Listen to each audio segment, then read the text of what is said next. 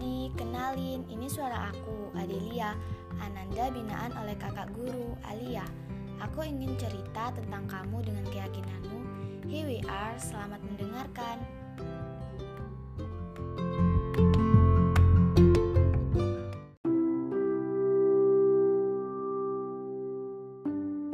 Kamu dengan keyakinanmu.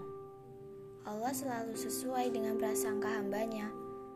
Tiada orang yang beriman yang memiliki keraguan. Walaupun terhadap masa depan, ia tak perlu khawatir, apalagi takut karena ia hidup bersama solusi dari Allah. Karena ia meletakkan hidupnya pada genggaman Allah, baik hati dan jiwanya. Tugasnya hanyalah ikhtiar dan tawakal pada setiap ketentuannya. Kamu dengan keyakinanmu. Dia rindu, tapi kamu selalu abai selama ini.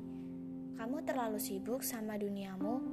Terkadang, tanpa kamu sadari, Allah memberimu secuil masalah agar kamu kembali mengingatnya. Masalah itu yang mengajarkanmu kembali berdoa. Masalah itu mengajarkanmu kembali menangis dan bermunajat padanya.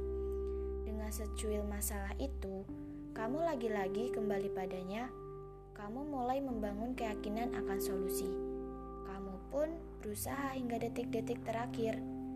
Kamu bertemu orang-orang, dan akhirnya kamu tahu siapa yang benar-benar peduli padamu. Kamu mulai membangun sikap berpikir positif. Kamu yakin Allah pasti menolongmu, dan kamu pada akhirnya menyerahkan hasil pada Allah semata.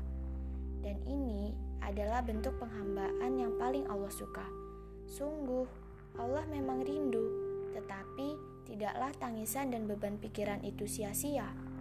Di setiap masalah ada hikmah yang tersembunyi, namun hanya orang-orang yang beriman dan juga berpikir yang mampu memetiknya.